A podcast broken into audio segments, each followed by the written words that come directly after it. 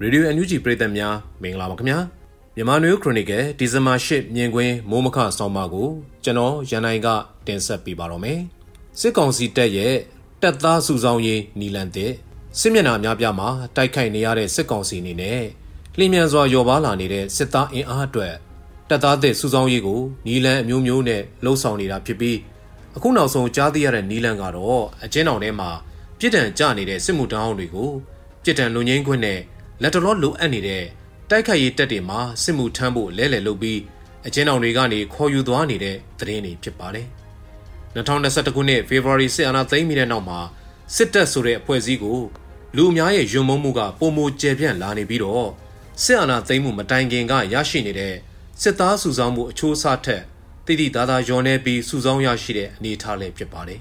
။စစ်တပ်ကတို့လိုအရာရှိဖြစ်မဲ့တနန်းလိုမျိုးတော်ရှောက်ထားသူတည်တည်သားသားနဲပါလာတဲ့အကြောင်း သတင်းတွေမှာတွေ့မြင်ကြားသိနေကြရတာဖြစ်ပါတယ်။မြန်မာစစ်တပ်ကစစ်အင်အားစုဆောင်းတဲ့အခါမှာတပ်သားတွေရရှိနိုင်တဲ့နေမြေဒေသတွေကအချို့သောတိုင်းသားဒေသတွေနဲ့ဗမာလူမျိုးအများစုနေထိုင်ကြတဲ့အထက်မြန်မာနိုင်ငံမန္တလေး၊စကိုင်း၊မကွေးလိုဒေသတွေဖြစ်ခဲ့တာသတိပြုမိပါတယ်။အလောက်ကိုင်းခွန်လန်းနဲပါတဲ့ဒေသတွေကကြီးလက်ကလူငယ်တွေအနေနဲ့အရွယ်ရောက်လာတဲ့အခါမှာစိုက်ပျိုးရေးလုပ်ငန်းမှာလုံမလားဒါမှမဟုတ်ပြည်ပမှာရွှေ့ပြောင်းလုပ်သားဖြစ်လုံမလားနောက်တနည်းက စစ်သားစုဆောင်မှုကိုလက်ခံပြီးမြန်မာစစ်တပ်ထဲတပ်သားသစ်အဖြစ်ရောက်ရှိသွားကြတာကဆယ်စုနှစ်နဲ့ချီဖြစ်ပွားနေခဲ့တဲ့ဖြစ်ရပ်တစ်ခုလို့ဆိုနိုင်ပါတယ်။တိုင်းသားတွေထဲကဆိုရင်အစင်ဆက်လူမျိုးစုလက်နက်ကိုင်အဖွဲ့ကြီးကြီးမားမားမရှိတဲ့လှုပ်ရှားမှုအားမကောင်းခဲ့တဲ့ရခိုင်ချင်းလူမျိုးတွေအများစုကိုစီယုံစုဆောင်လေးရှိပါတယ်။2009ခုနှစ်နောက်ပိုင်းရခိုင်လက်နက်ကိုင်လှုပ်ရှားမှုစတင်လာခြင်းနောက်ပိုင်းမှာတော့ရခိုင်လူမျိုးစုကိုစုဆောင်တာနှဲပါလာတာဖြစ်ပါတယ်။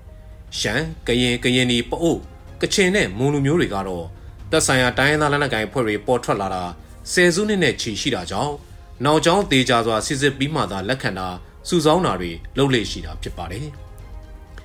2021ခုနှစ်နောက်ပိုင်းမှာတော့လူမျိုးစုတိုင်းလိုလိုစစ်တပ်ကိုစန့်ကျင်တိုက်ခိုက်မဲ့လက်နက်ကိုင်ဖွဲ့စည်းတွေပေါ်ထွက်လာအားပုံမကောင်းလာပြီးမြန်မာနိုင်ငံလေပိုင်းကစကိုင်းတိုင်းလိုဒေသကိုလည်းစစ်ကောင်စီတပ်ရဲ့ပြုမှုပုံတွေက စစ်တပ်ကိုထောက်ခံတဲ့ကြန့်ခိုင်ရေးပါတီကိုထောက်ခံတဲ့လူနည်းစုကလွဲရင်စစ်သားစုဆောင်ဖို့မလွယ်တော့တဲ့အနေအထားရောက်ရှိလာတာဖြစ်ပါတယ်။2011ခုနှစ်နောက်ပိုင်းမှာအဲ့ဒီအချိန်ကသမရဖြစ်တဲ့ဦးသိန်းစိန်ကမြန်မာနိုင်ငံစိုးအနေနဲ့နိုင်ငံတကာစံနှုန်းတွေကိုလိုက်နာကျင့်သုံးတဲ့နိုင်ငံတကာနိုင်ငံဖြစ်ဖို့ရည်ရွယ်ပြီးအရမစစ်သားစုဆောင်တာတွေကိုမလုပ်ဆောင်ဖို့အရွယ်မရောက်သေးတဲ့သူတွေကိုစုဆောင်တဲ့ကလေးစစ်သားကိစ္စတွေမှာလိုက်နာပါမယ်လို့ကြေပြုခဲ့ပြီးအရွယ်မရောက်သေးပဲတက်ထဲရောက်နေတဲ့ ကလေးစစ်သားတွေကိုစစ်စစ်ပြီးမိသားစုထံပြန်လည်အနှံတာတွေလှုပ်ဆောင်ခဲ့လို့စစ်တပ်ရဲ့စစ်သားစုဆောင်ရေးကရရှိမှုရောကျလာတာဖြစ်ပါတယ်။တစ်ဖက်မှာဆိုရင်လည်းပြည်ပလုပ်ကန်ခွန်လန်းတွေပုံမူသိရှိလာကြပြီးတော့အိန္ဒိယနိုင်ငံတွေမလေးရှားလိုနိုင်ငံတွေမှာအလုတ်သွားရောက်လုပ်ကန်သူတွေများပြားလာတာကစစ်သားအင်အားစုဆောင်မှုခက်ခဲလာတဲ့အနေအထားပဲဖြစ်ပါတယ်။2021ခုနှစ်နောက်ပိုင်းကစလို့စစ်ကောင်စီကိုလက်နက်နဲ့တုံ့ပြန်တိုက်ခိုက်ဖို့ဒေသအသီးသီးမှာ ပြည်သူ့ကာကွယ်ရေးဖွဲ့တွေဖွဲ့စည်းကြပြီးစစ်ကောင်စီတပ်တွေကိုပြန်လည်တိုက်ခိုက်လာကြသလိုတိုင်းသားလက်နက်ကိုင်ဖွဲ့တွေတဲဗမာရီအပါဝင်တပ်ဆိုင်ရာတိုင်းသားလူမျိုးစုတွေတဲကလူငယ်တွေဝင်ရောက်ခါစစ်တနန်းတက်ကြပြီးစစ်ကောင်စီကိုတုံ့ပြန်တိုက်ခိုက်ဖို့အခွင့်အာဏာကိုစောင့်ဆိုင်နေတိုက်ခိုက်နေကြတာဖြစ်လို့2023ခုနှစ်ကုန်ပိုင်းရောက်လာတဲ့အချိန်မှာတော့စစ်ကောင်စီစန့်ကျင်အင်အားစုတွေနဲ့စစ်ကောင်စီရဲ့တပ်အင်အားကတိတိသားသားအပြောင်းလဲတစ်ခုဖြစ်ပေါ်စေနိုင်တဲ့အဆင့်ရောက်နေပြီလို့မှန်းဆကြည့်ရပါတယ် စစ်ကောင်စီအနေနဲ့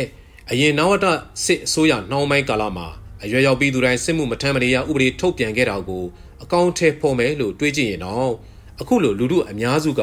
စစ်တပ်ကိုမုန်းတီးနေကြတဲ့ကာလမှာစစ်သားအင်အားရတာထက်ပြောင်းပြန်အကျိုးဆက်တွေထွက်ပေါ်လာနိုင်တာကိုတွေးမိတာကြောင့်ဒီလိုဥပဒေနဲ့စစ်မှုထမ်းဖို့ဆင့်ခေါ်တာမျိုးမကျင့်သုံးရတဲ့အနေအထားလည်းဖြစ်ပါတယ်စစ်တပ်နဲ့လူထုနဲ့တစောင်းစည်းနဲ့မျက်ချီးလိုဖြစ်နေတဲ့အနေအထားကို စစ်ကောင်စီကနားလေသဘောပေါက်ပုံရပြီးစစ်သားစုဆောင်းရမှာသူတို့ယုံကြည်ရတဲ့သူရဲလို့တွေးဆကြည့်ရမှာစစ်မှုတန်းအောင်တွေဖြစ်နေပြီးအဲ့ဒီသူတွေကိုအသုံးချနိုင်ရင်စစ်တနန်းပေးစရာမလိုသလို၎င်းတို့ရဲ့နောက်ခံအနေထားကြောင့်လဲတော်လိုင်းအင်အားစုတွေဘက်ကလွယ်လွယ်ကူကူစီးရုံးခံရမယ့်သူတွေမဟုတ်ဘူးလို့တွေးဆထားပုံရပါတယ်ရုရှားမှာယူကရိန်းနဲ့စစ်ဖြစ်ပွားပြီးတဲ့နောက်စစ်သားအင်အားအရေးကြီးလိုအပ်တဲ့အခါမှာရုရှားဆိုရကအချင်းတော်တွေကရာဇဝတ်သားတွေကိုစီးယုံပြီးဗက်ဂနာလိုဂျေးစားဖွဲ့က စီမံခန့်ခွဲကယူကရိန်းကိုတိုက်ခိုက်တယ်လို့မြန်မာနိုင်ငံကစစ်ကောင်စီကလည်းအကျဉ်းထောင်တွေမှာရှိတဲ့စစ်မှုတောင်းတွေကိုသူတို့အတွက်အသင့်တော်ဆုံးအင်အားစုဆောင်ဖို့ဆုံးဖြတ်ခဲ့တဲ့သဘောလို့မှန်းဆရပါတယ်။ပြီးခဲ့တဲ့ဒီဇင်ဘာလ9ရက်နေ့အမျိုးသားအောင်ပွဲနေ့ကိုအကြောင်းပြုပြီးသူတို့စီယုံလို့ရတဲ့စစ်မှုထမ်းအောင်တွေကိုပြစ်ဒဏ်လွန်ငင်းခွင့်နဲ့စစ်မှုထမ်းရမယ့်သဘောတူညီချက်တို့အလဲလှယ်လုပ်ခဲ့တဲ့သဘောလို့ကောက်ချက်ချနိုင်ပါတယ်။စစ်ကောင်စီဘက်ကဝါဒဖြန့်တာချင်းကြောက်တာတွေဖော်ပြနေတဲ့ Telegram တွေမှာ အမျိုးသားတွေကစစ်မှုထမ်းအောင်အများပြလွန်ငင်းခွင့်ပေးခဲ့တာအဲ့ဒီလွန်ငင်းခွင့်ရသူတွေကလက်ရှိဖြစ်ပွားနေတဲ့တိုက်ပွဲတွေမှာစစ်မှုထမ်းမယ်လို့ရေးသားခဲ့ကြတာတွေ့ရပြီးတဲ့နောက်ရန်နိုင်ငံအတွင်း RFA သတင်းဌာနရဲ့သတင်းမှာပသိမ်ထောင်ကစစ်ပြေးအကျဉ်းသား100ကျော်ကိုလွန်ငင်းခွင့်ပေးခဲ့ပြီး၎င်းတို့ကိုအနောက်တောင်တိုင်းစစ်ဌာနချုပ်ကိုခေါ်ဆောင်သွားတယ်လို့ဖော်ပြထားတာတွေ့ရပါတယ်။အလားတူဖြစ်ရမျိုးအခြားသောတိုင်းနယ်ပြည်နယ်တွေမှာရှိတဲ့အကျဉ်းတော်တချို့မှာလည်းရှိကောင်းရှိနိုင်ပြီးစစ်တပ်အနေနဲ့ နောက်ဆုံးရတဲ့အခွင့်အလမ်းကိုစုပ်ကင်ကရုရှားနိုင်ငံလိုအကျဉ်းသားတွေကိုစစ်သားအဖြစ်စုဆောင်းတဲ့နီလန်းကိုကျင့်သုံးလာတာတွေ့နေရပြီဖြစ်ပါတယ်ခင်ဗျာ။